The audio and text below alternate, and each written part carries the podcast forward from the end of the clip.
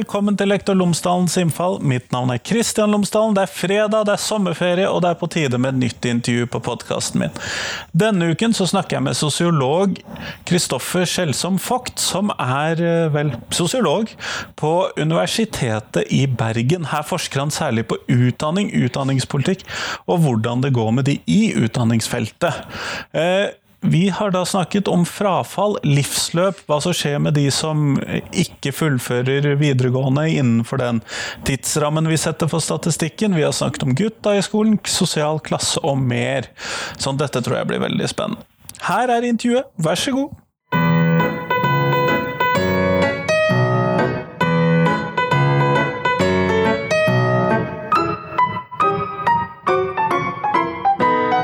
Kristoffer Skjelsom Vogt, velkommen hit til eh, arbeidsplassen min. Tusen takk for det. Eh, før vi starter selve intervjuet, kunne du ha fortalt lytterne mine tre ting om deg selv, sånn at de blir litt kjent med deg? Ja, det kan du si. Jeg syns alltid det er så vanskelig med sånne der eh, tre ting-spørsmål. Men jeg kan jo for det første kanskje bare si at jeg er ganske sånn besatt av sosiologi, da. Det er min, min kone som pleier å, å, stille den diagnosen. Så jeg tenker på eh, sosiologi stort sett hele tiden. Um, men i alle fall, det, det er for så vidt ganske vanlig kanskje å tenke mye på jobben sin. En annen ting jeg kan si, er at jeg spiller kontrabass. Og, og synger og holder mye på med musikk. da. Det er ikke det Det er det kanskje ikke alle som kjenner meg som sosiolog, som vet. Nei, eh, jeg har ikke oppdaget dette når jeg har lest om deg, i hvert fall. Nei, det var det. Nei, de to tingene holder jeg vel forholdsvis separat. Bortsett fra en gang da jeg laget mange eh, sosiologiske barnesanger. Da, da mikset jeg liksom sosiologien og musikken. Men, er dette tilgjengelig på Spotify? Nei, på, nei, faktisk akkurat den det er ikke på Spotify. Altså. Det er mulig det fins noe på YouTube et eller annet sted, men det var til noen musikkfestivaler i, i 2010. Men eh, en tredje ting jeg kan si om meg selv, det er vel at jeg stort sett nynner hele tiden. Med mindre jeg blir bedt om å la være. Med mindre du prater, kanskje? Ja. ja. ja jeg går stort sett og nynner hele tiden. Det eh, blir min kone også veldig irritert over. Men hun har begynt å akseptere det nå etter hvert. Det har tatt sin tid. Ja, ja det har det. Eh, men eh, du er kommet hit fordi at eh, du har skrevet en del om frafall. Og da er egentlig mitt største, første spørsmål er selvfølgelig har vi et frafallsproblem i norsk skole? Ja, altså Det vil jeg vel egentlig Altså, hvis jeg må svare ja eller nei, så, så vil jeg jo definitivt svare ja. Men det, det, virker kanskje litt rart, for jeg har, jeg har vært sterkt ute for å, å nyansere er så, altså den måten vi diskuterer frafall på. da. Men altså, jeg vil ikke liksom, jeg vil ikke liksom si det så, så, klart at vi har ikke et frafallsproblem. Men, Men hvordan ser bildet ut? Nei, ja, bildet, bildet, ser jo sånn ut at det Siden Reform 94 så har, eh, så har omtrent 70% pluss minus 2-3 eh, Det har variert litt over tid. Så omtrent 70% fullført innen fem år. Eh, og ehm, det det er jo liksom siden Reform 94, men hvis man skal forstå det, så må man jo liksom gå litt og se på hva som var før Reform 94. Sant? Og da var, jo, da var det jo enda færre som fullførte innen den tiden. Um, så det, du kan vel si det sånn at fra og med Reform 94 så har det på en måte vært rekordmange som har fullført innen uh, fem år. Og så, uh, og så, er det selvfølgelig Det ville jo vært flott hvis man kunne nådd det målet man, man satte da, uh, og, og fremdeles på en måte streber mot at 90% skulle fullføre innen fem år. Um, det ville jo vært fantastisk, men så liksom, må man gå inn og se hva er det hva er det som gjør at dette ikke skjer, og, og, ikke minst hva skjer etter 21 år. ikke sant? For det, det som skjer med veldig mange av de her som ikke fullfører innen 21 år, er jo at de, de fullfører seinere. Og, og eh, de aller fleste av de kommer ut i, i jobb Så det, det, er veldig mye sånn uh, svartmaling da, på det området der. Det er liksom og, det, måten man har gradvis begynt å diskutere frafall i videregående, den liksom kommet helt ut av proporsjoner. Men du, du, har snakket med denne 21-årsgrensen som noe særnorsk? Ja, det, det er sant. Altså, det er Altså, forskjellige land i Europa har uh, forskjellige måter å, å, definere frafall på. Og, og så har vi i tillegg en sånn EU-definisjon. Og De som er mest tålmodige, så vidt jeg kan se, det er danskene. Så, som, som, definerer frafall uh, som, altså, du skal ha fullført altså, innen 25 år etter grunnskolen. Så de som ikke har fullført innen 25 år etter grunnskolen, de er, altså. de er i frafallskategorien. Det høres jo på mange måter vanvittig ut. ikke sant? Det høres jo helt uh, sendrektig ut. Men så er det saken at det står egentlig ganske godt i forhold til utdanningssystemet de har i Danmark, for de er akkurat sånn som oss verdensledende når det gjelder eh, Så da, da, tar de på en måte høyde for det da, når de måler gjennomføring av videregående, men det er jo ikke vi, da. Så, for vi har veldig høy gjennomsnittsalder for fullføring av yrkesfag. Det er, det er liksom snittalder 27-28 år. Det er snittalder på de som fullfører yrkesfag hvert år. Og de er så, vesentlig eldre enn mine 17-åringer. Ja, det er sant. Det er nettopp det. Sant. Vi har gode ordninger for at, at folk i voksen alder kan ta fagbrev. Så faktisk er det sånn at Flertallet av de som tar fagbrev hvert år, er over 21 år. Så man, De fullføringene velger man altså å se vekk ifra, da. hvis man diskuterer det bare basert på denne her, eh, denne her standarddefinisjonen. Så det er liksom det her å å se på det litt større bildet i, eh, når det gjelder alder, som har vært min kjepphest når eh, det gjelder frafall i videregående. Og, altså, det, er, det er en, en, eh, hel del problemer liksom, i videregående. Så til, man kan selvfølgelig jobbe for å forbedre Det er en del å gjøre der. Ja, det er en del å ta tak i, liksom. Men, så jeg vil liksom ikke si at det ikke er noe, noen problemer. Men, men, samtidig så er det denne synet som har bredt seg de siste årene om at liksom eh, frafall er et sånn der liksom avgjørende tidspunkt i livet. Så, så hvis, du, hvis, du, havner i den frafallskategorien, da er du ferdig, liksom. Da, da, da går, det, går det riktig ille seinere i livet, ikke sant? for det øker sannsynligheten for alt mulig fælt. ikke sant? Det, det, det, er en veldig merkelig måte å, å se på, på, utviklingen i folk sine liv. Da. Og det samme gjelder det her som no, de nå har begynt med, ikke sant, at frafall starter i barnehagen. Sant? Da er det jo forskjellige ting du kan finne i, i barnehagen, og så kan du si at det øker sannsynligheten for frafall osv.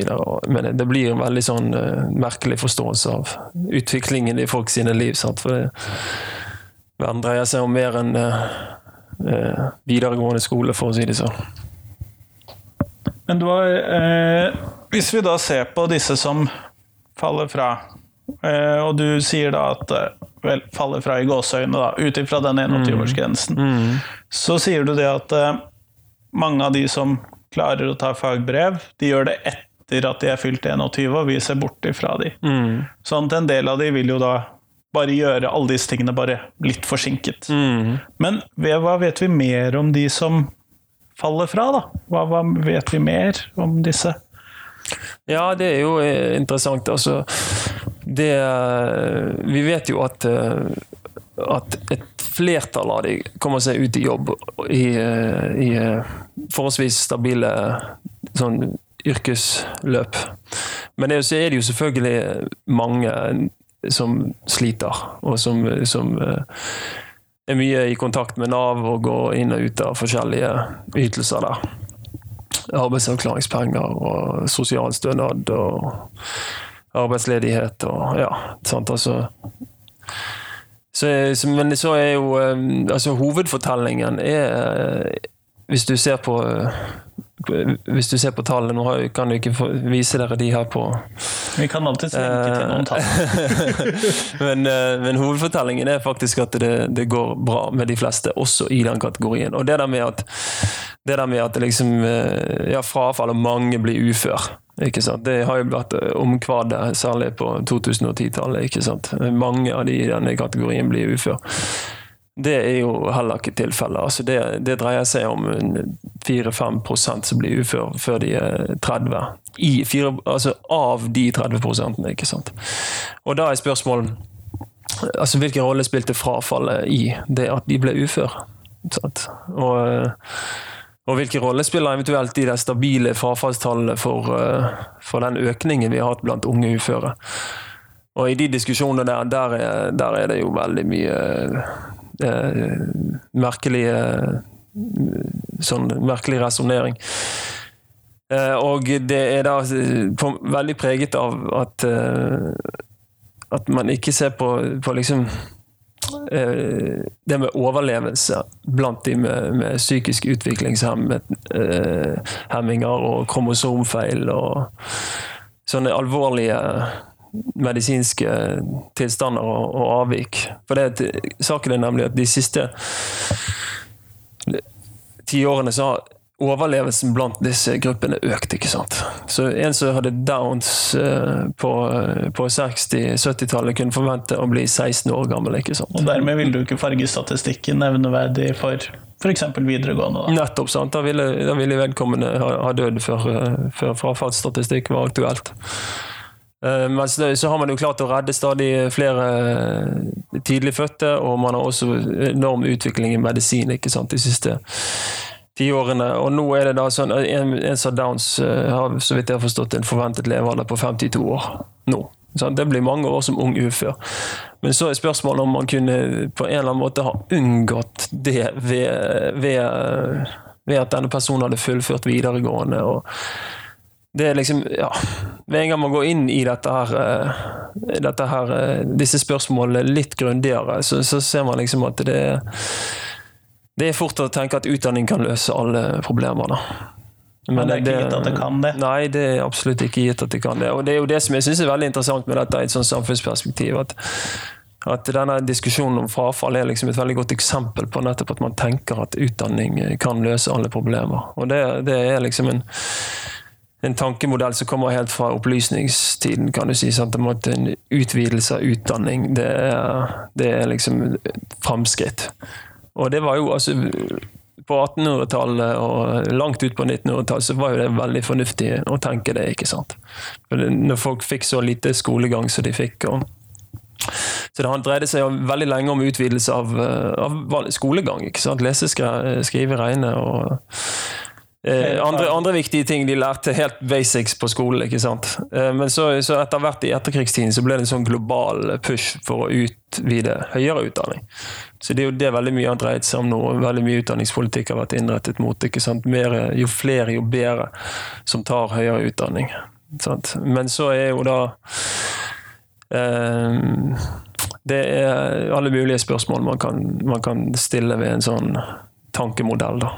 Og spesielt i Norge, hvor vi har egentlig tradisjoner for å ha masse utdanninger på som mellomnivå. Sant? Altså, som er mellom de som har høyere utdanning og de som uh, ikke har noe utdanning. Altså fagarbeidere. Vi har jo en, en god og solid fagarbeidertradisjoner. ikke sant? Så for, Hos oss blir jo det der uh, å tenke at alle skal ha høyere utdanning, det blir jo ekstra uh, villedende, for å si det sånn. Mm. Men når vi ser på disse, da, hvis vi ser bort ifra de som har alvorlige diagnoser i en eller annen forstand, og så ser vi på de som da vi regner som frafallende, er det noen sånne karakteristika ved disse Kan vi gruppere dem på noen måte, si at det er noen grupper som ekstra, i større eller mindre grad, faller utenom? Ja, altså det, det du kan si er at um for det første så, er jo de der med de alvorlige diagnosene de er jo også i frafallsstatistikken. Eh, så, så vi, vil, kan, vi, kommer ikke, vi, kommer ikke, utenom de. Men i alle fall så har de jo selvfølgelig veldig mange andre som, som ikke har sånne, sånne ting å, å, bære med seg, men som, som gjerne har en, en, skolehistorie som er preget av utrolig mye nederlag.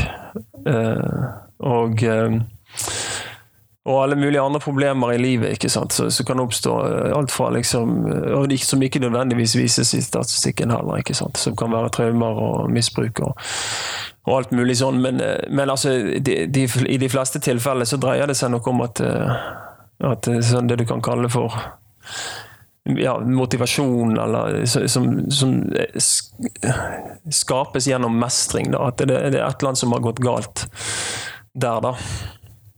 Og, så, og da, da, er det jo det er jo da man må gå inn og diskutere hva er det hvordan er det å gå på skolen for de som, som ikke gjør det bra. ikke sant? Hvordan har det, det synes jeg, Hvis man skal diskutere hva som har forandret seg, så syns jeg det, er litt interessant. Hvordan det, har det forandret seg å gå på skolen for de som ikke, ikke gjør det bra? Uh, altså, etter hvert som skolen har blitt stadig mer prestasjonsfokusert, lenger og lenger ned på trinnene, ikke sant? så er det jo nærliggende å tro at følelsen av nederlag uh, som disse folkene kjenner på, den begynner tidligere, og den uh, er mer intens. Og det spørs hvor, hvor produktivt det er. Men hvis du ser på altså hvem som, uh, altså hvem som er i, i frafallskategoriene, så, så, så, er det jo alle mulige ting du kan, kan si om det. Altså det jo, for det første så det, henger det veldig tett sammen med, med tidligere uh, fravær, selvfølgelig. Sant? Eh, det kan du se i statistikken. Og så kan du se at det henger veldig nært sammen med, med tidligere karakterer. Og, og, men så kan det jo se hva er det som ligger bak karakterer. ikke sant? Og da ser du jo den veldig store Da ser du en effekt av kjønn. ikke sant? Eh, du ser at gutter får dårlige karakterer, ikke sant? og det, det bidrar jo til å forklare noe av, av guttenes, det at guttene har litt høyere frafall. Men kan, det som er aller mest utslagsgivende for forskjeller i karakterer, det er jo sosial bakgrunn. Altså sosial klasse, om du vil. Det måler man jo eh, kan man måle på eh, masse forskjellige måter, men det vanligste på dette feltet her er å måle det ved foreldrenes inntekt og utdanning. Og det er det som er det aller mest utslagsgivende for, eh, for både forskjeller i karakterer og også for, for det med frafall i videregående. Så det er Ja. Det kommer jo inn på et annet tema, det der med, med, med gutter og det som, det som vi har kalt svartmaling av gutter. Ja, for det har du skrevet om, at man svartmaler guttenes situasjon i skolen. Mm. Ja, det var en, en sånn uh, artikkel jeg skrev her i, i vår, som, uh, som Ja, hadde begynte vel egentlig med at jeg ble invitert til Arendalsuka i fjor. Og så vil, Der ville, ville, McDonald's at jeg skulle holde, holde sånn innlegg hos de der. Jeg skulle innlede til, til debatt. På McDonald's? Eh, på McDonald's. Ja, det var veldig gøy. det. Og det Temaet de, de, hadde satt på agendaen, så de, de skulle på en måte innlede til debatt om det var um, Hva er det med gutter? Sant? Og da er liksom en undertekst om at det gutter faller ut og sånn. Ja.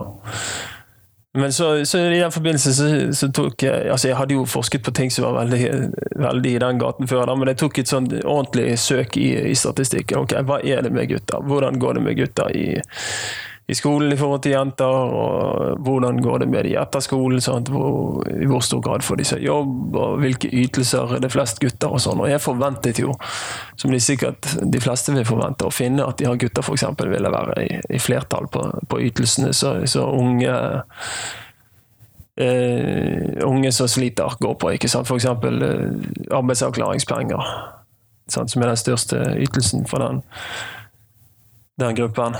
Og, og da ble jeg jo eh, overrasket over at, at, eh, det er jo jenter som er i flertall på eh, alle disse ytelseskategoriene fra Nav. Også om du ser på forskjellige utdanningsnivå, og også når du ser på forskjellige aldersgrupper. Så det er ganske interessant. Bortsett fra de unge uføre. Ja. Guttene. Der er guttene i flertall. Men det er jo da, altså unge uføre det er jo da 5 omtrent av de uføre som er under 30. da. Så, så, det er jo litt det, altså det, det, har vi jo allerede snakket litt om, men det som er litt interessant, er jo at, at man, man, insisterer på å, å, snakke om de 5% av de uføre som er, er unge uføre. ikke sant? Og der er gutter i, i flertall. ikke sant? Mens hvis du ser på de som er over 30, så er jo kvinner i massivt flertall. Ikke sant? Så, det, er, altså det, det, det, kan dreie seg om eh, det dreier seg om utrolig mange forskjellige ting som vi allerede har snakket om, med de rett medisinske tingene og altså medisinske tilstander som gutter er predisponert for mer og sånn. Det, det, er en bit av tingen som jeg syns er interessant. Og jeg syns også det er interessant det her med altså, Det kan jo dreie seg også om aldersforskjeller i, når du blir uførepensjonert. Altså, og det er jo litt interessant, altså, fordi at det er, det er mye som tyder på at samfunnet tar problemer mer alvorlig når det, når det, når det er gutter som har de, for å si det sånn. Da, da, er det veldig mye altså det, er det, det, er jo veldig interessant at alle er interessert i å snakke om de unge uføre. Sant? Hvor gutter er i flertall. Utrolig få er interessert i å snakke om de 95 resterende uføre hvor kvinner er i flertall. Hva er det som gjør at alle disse kvinnene er blitt syke? Så, så det er jo ja. Men sånn at eh, i dette her arbeidet med å skrive den innledningen på McDonald's, mm. så ser du da at eh, det stort sett er at mennene som da faller fra og man skulle tro har problemer, mm. faktisk går ut i jobb, da. Mm. Er det det du ja, ja, ja, ja, ja. Altså, sysselsettingsgraden er jo høyere i, blant gutter. Ikke sant? I, i, på alle utdanningsnivåer og alle aldersgrupper. Uh, så, så det, disse tingene skrev jeg om i den artikkelen 'Svartmaling av gutter'. Og den, den jeg holdt den innlegget på McDonald's, den, det var ikke jeg kom så langt at jeg hadde funnet ut at dette her kunne vi snakke om en svartmaling, da. Men da, da, da, da eh, sa, jeg, sa, jeg, at det her med Som vi hadde invitert til, det her med hva er det med gutter? At det var et lurespørsmål. Jeg sa det var et lurespørsmål. Jeg måtte spissformulere meg litt der på McDonald's. Det var et lurespørsmål dersom man ønsket å forstå hva som lå bak unges problemer. For det er jo det, altså det, det dreier seg jo om det dreier seg ikke om gutter, for å si det sånn. Det dreier seg om, om er, altså de institusjonelle ordningene som både gutter og jenter møter opp gjennom livet. og Hvordan kan vi jobbe med å forbedre de? Det er jo det som er, det er, jo det som er saken. Og da er det jo altså I det hele tatt. Altså det der med eh, svartmaling, altså det, det er det, det, er et bedre begrep enn det der med lurespørsmål. For det med svartmaling det fanger jo også inn det der at, eh, at det, det, har noen konsekvenser å snakke på den her eh, negative måten ikke sant, om ungdom. Og Det er jo ikke noe, jo ikke noe særnorsk heller. Man holder jo på på denne måten her i, i alle land. ikke sant, men gjennom Særlig på, på 2000-tallet kan du si, så er det blitt stadig vanligere å, å studere ungdom gjennom sånn, fokus på risiko. Sant? Et eller, annet, et eller annet som du gjør i livet, sant? Fører, tidlig i livet, sant? det fører til risiko for senere ja, uførhet og skilsmisse og alt mulig grusomt. ikke sant? Uh, skilsmisse er kanskje ikke det beste eksempelet der, men, men i alle fall eh, det, det er sånne risikoperspektiver. og sånne, sånne veldig, Det blir et veldig mørkt blikk på på unge da, eh, ut av det. Og, eh, og det er eh, og, Når det gjelder det med gutter, ikke sant, svartmaling av gutter, så blir det jo særlig gutter. ikke sant? Og da er det jo altså, det, det er jo forsket lite på. Det er utrolig vanskelig å forske på konsekvensene av sånne måter å snakke på.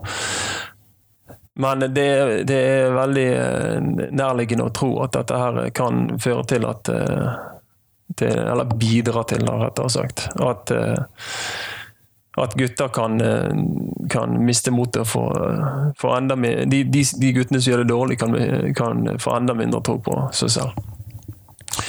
Så, og så videre. Så, så det, er, det, er, i det hele tatt det der med flink pike eh, versus gutt som sliter. Det er liksom et, et sånt spor som diskusjonen om unge i dag har, kjørt seg litt fast i. Det, og det fører egentlig til at man eh, fort ser vekk fra det som er aller mest utslagsgivende. Nemlig eh, sosial bakgrunn. ikke sant? Foreldres ressurser. Skolerelevante ressurser, rettere sagt. ikke sant? Det er, det, det er, der de store endringene ligger, og det, det er der har blitt, eh, utviklingen har vært uheldig. da. For dette, at foreldres inntekt og utdanning har fått større betydning ikke sant, på 2000-tallet. Hva foreldrene ja. kan bidra med. Ja, det er det, og det er jo det er nettopp det. ikke sant? Og Da, det, da tyder jo på at man har gjort et eller annet feil i måten man har, har utviklet skolen på, på, i det tidsrommet, for å si det sånn. Og Det er jo en diskusjon som, som, faller helt ut hvis man ser på verden som en sånn flink pike versus uh, sliter gutt-skjema. uh, skjema. Mm. Men når du har sett på denne forskningen, hva har du tenkt på som løsninger for å løse enten eh, frafallsproblematikken eller løse det at man ikke passer inn i skolen eller noe sånt? Hva tenker du som løsninger her? Veldig du må godt. jo ha gjort deg noen tanker om det når du har s- sittet Ja. med alle disse tallene og sett på alle disse perspektivene. Absolutt. Ja, det er jo eh, Det er jo altså Man kan jo diskutere alle mulige sånn kortsiktige løsninger, f.eks. Og, og um, altså, så ville det jo vært veldig bra om det var flere læreplasser tilgjengelig osv. Eh, Det er, en, det, det, det er bare én bit av den løsningen. Men til syvende og sist så, så er det liksom så kan ikke du løse problemer i folk sine liv bare gjennom utdanning. ikke sant? For uansett hvor flott utdanning alle fikk, så, så er det jo sånn at hvis de da går ut på et eh, arbeidsmarked, ikke sant? Hvor, hvor det er mange som, som eh, bare blir tilbudt jobber som er eh, vanskelig å, å ha et godt liv i, da, for å si det sånn. Altså med arbeids- og lønnsbetingelser som er uforenlige med f.eks. med et, eh, et familieliv så, så hjelper det ikke så veldig mye om de har uh, aldri så mye utdanning. Så med mindre du, du, eh, du tenker liksom utdanning og arbeid i sammenheng, så, så finner du ikke så mange langsiktige løsninger. da. Som, som, som, som løser problemer litt lenger ut i folk sine livsløp. Og det er, det er en, annen, en annen bit som spiller inn i dette, er jo, eh, er jo at eh, altså myter da om at det ikke er brukt for ufaglærte osv. Det, er jo- det har vi jo ikke snakket så mye om nå, men det, Ja, det er også en del ting som. Ja, det er en myte. At vi, at vi ikke har brukt for ufaglærte, det er definitivt en myte. Altså at, at behovet har blitt eh, noe redusert over tid, det er det, er det jo eh, ingen tvil om.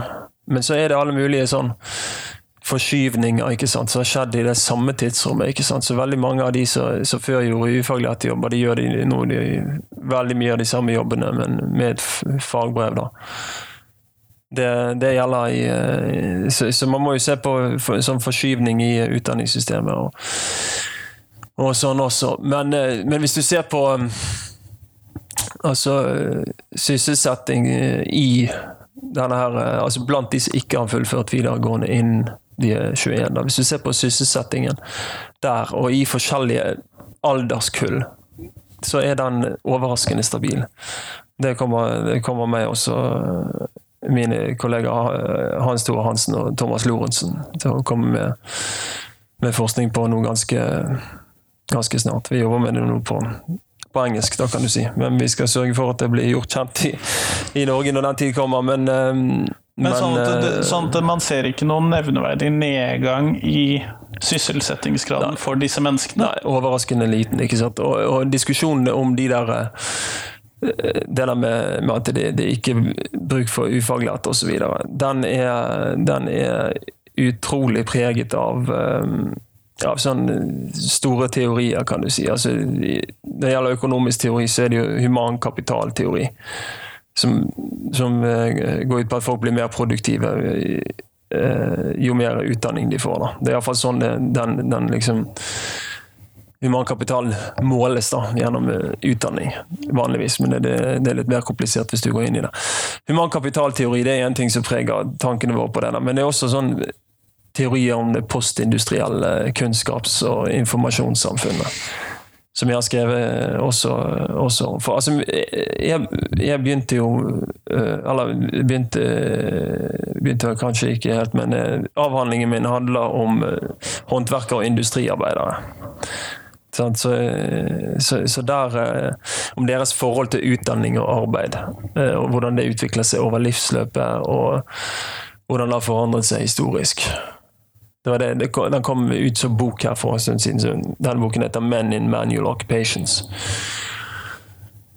Den er faktisk åpent tilgjengelig, hvis noen vil kikke på den. Men Da skal alle, vi lenke til den. Ja, det var det. Men i alle fall, det, det, så i den forbindelse satte jeg meg veldig inn i de her teorien om det postindustrielle kunnskapssamfunnet og sånn. Og, det- og det er jo veldig, det som blir veldig tydelig hvis du, hvis du går inn i den litteraturen, er jo at uh, definisjonene på, eh, på, på, hva det vil si å være i den typen samfunn, kontra sånn som det var før. De er utrolig vage om det i det hele tatt er noen definisjoner. En annen ting som er veldig sånn eh, tvilsomt behandlet i, i, den litteraturen, det er jo spørsmålet om hva er kunnskap. ikke sant? Kunnskapssamfunn. Og det hører vi jo hele tiden nå. Sant? Kunnskapsarbeidere også, og de er jo kunnskapsarbeidere. Men det er en sånn utrolig snever forståelse av kunnskap. Veldig teoretisk ja, utrolig. Det det. Hvis du graver litt i de teoriene der, og, og ser hva er egentlig de mener med kunnskap, så ser du ganske riktig. Det, de mener teoretisk og uh, kunnskap. da. Så, så det, det det er jo en sånn, eh, altså en sånn forståelse av samfunnet som er så, så snever, altså, og inviterer til å usynliggjøre uh, utrolig mange jobber altså som fremdeles eksisterer. Men ikke minst usynliggjøre kompetansen til de som utfører de jobbene. Det er liksom en sånn perfekt uh, teoretisk overbygning for å for å, å, å forherlige folk med mye teoretisk uh, utdanningsbasert kunnskap. da. Jeg er litt usikker på om jeg er blitt veldig mye mer effektiv på jobben min med når jeg gikk fra ti år til tolv års utdanning. Nei, det var det. det, var det.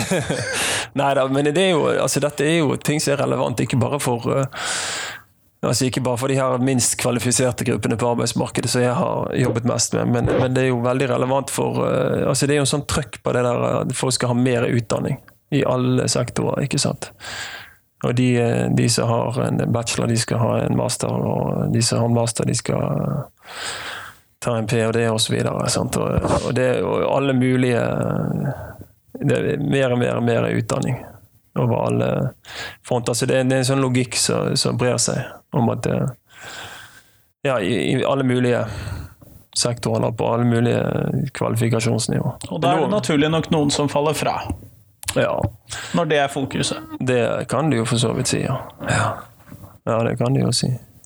For det er vel ikke alle som passer inn i et system som legges opp til Nei, det er nettopp det. Ja, det, det, det er helt sant. Altså, det, det blir en sånn um, sløsing av kunnskap i det også, ikke sant. For det, eh, gjennom at du, du, du nedvurderer uh, den kunnskapen som ikke er sånn formalisert, så, uh, så, liksom, så er det fort at du tilsidesetter folk som, uh, som, vel, som, som er fullt kapable til å gjøre en, en innsats. Men når, når alt seleksjonen blir basert på formell utdanning, så, så faller de, faller de, ut. Eller de havner nederst i bunken, for å si det sånn.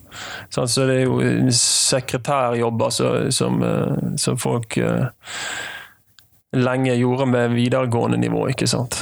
Det, de skal du jo nå ha master for å gjøre. Sant? Det, det, blir det de kaller employer screening. Det er blitt veldig vanlig. Sant? Arbeidsgiver bare sorterer bunken. Og uten alle de som ikke har master, sant? for de gjør det enkelt for seg selv. Og sånn. Og det har jo faktisk NHO vært ute og advart mot oss. At det, det blir eh, får, får, veldig fort negative konsekvenser på individnivå, men også på sånn aggregert nivå da, for, for, samfunnet. rett og slett. Det blir veldig mye, mye sånn kompetanse man ikke får utnyttet, hvis man bare fokuserer for mye på det. En annen ting med det der er jo, som er litt interessant når det gjelder det der med, med, med det der eh, med videreutdanning og sånn, det er at det Altså, det er en sånn slags Matteus-effekt eh, på det området. Altså det Matteus-effekten det, det, det, går ut på at altså de, de, som har mye, de skal få mer. Ja, ikke sant?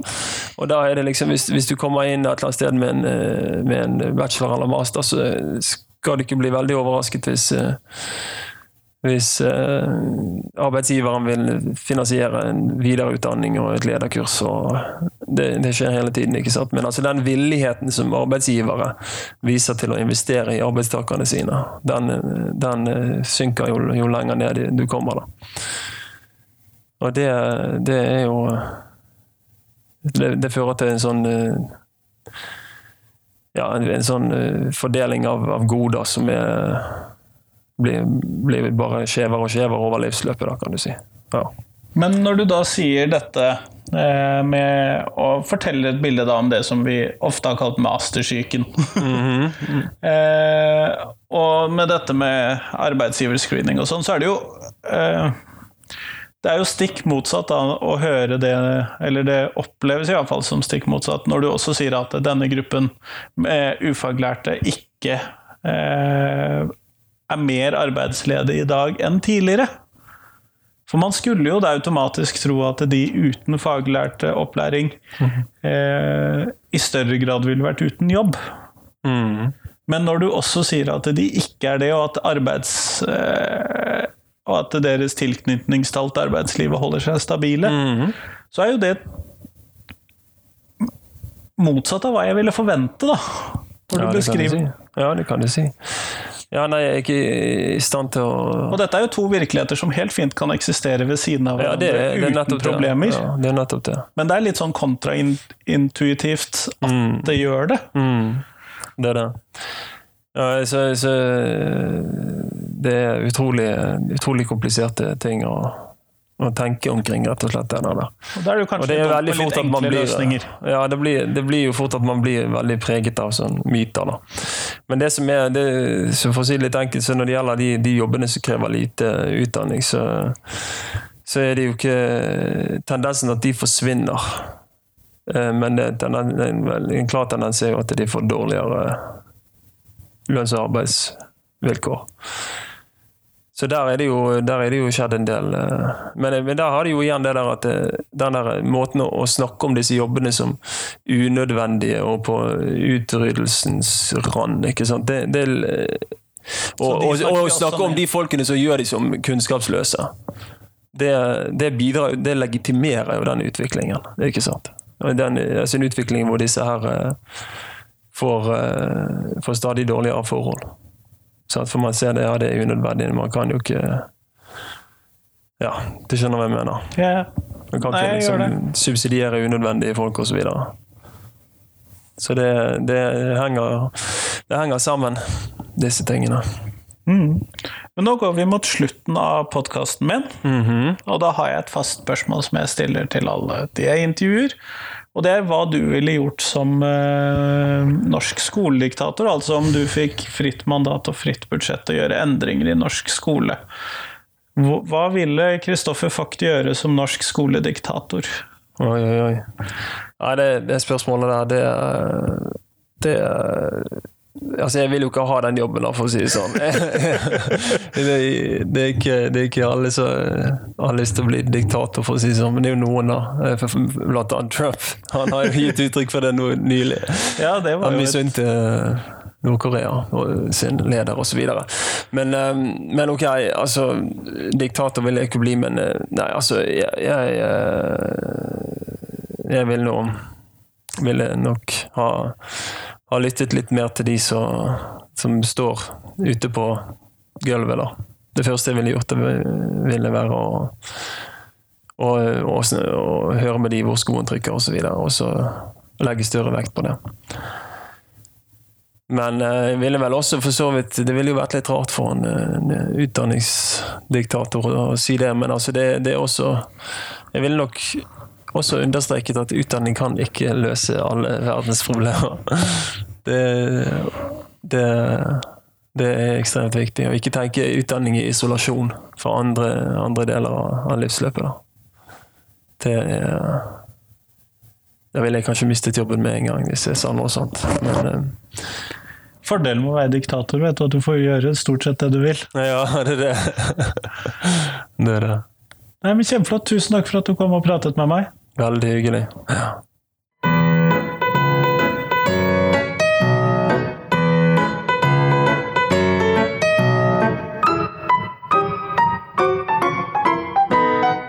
Tusen takk til Kristoffer, og tusen takk til deg som hørte på. Nå er det bare frem til tirsdag før neste, neste intervju kommer, men det kan du glede deg til. Da Neste uke så får vi en full uke med eh, norske fagorganisasjoner for lærere. Først på tirsdag så er det Skolenes landsforbund og Anne Finnborg.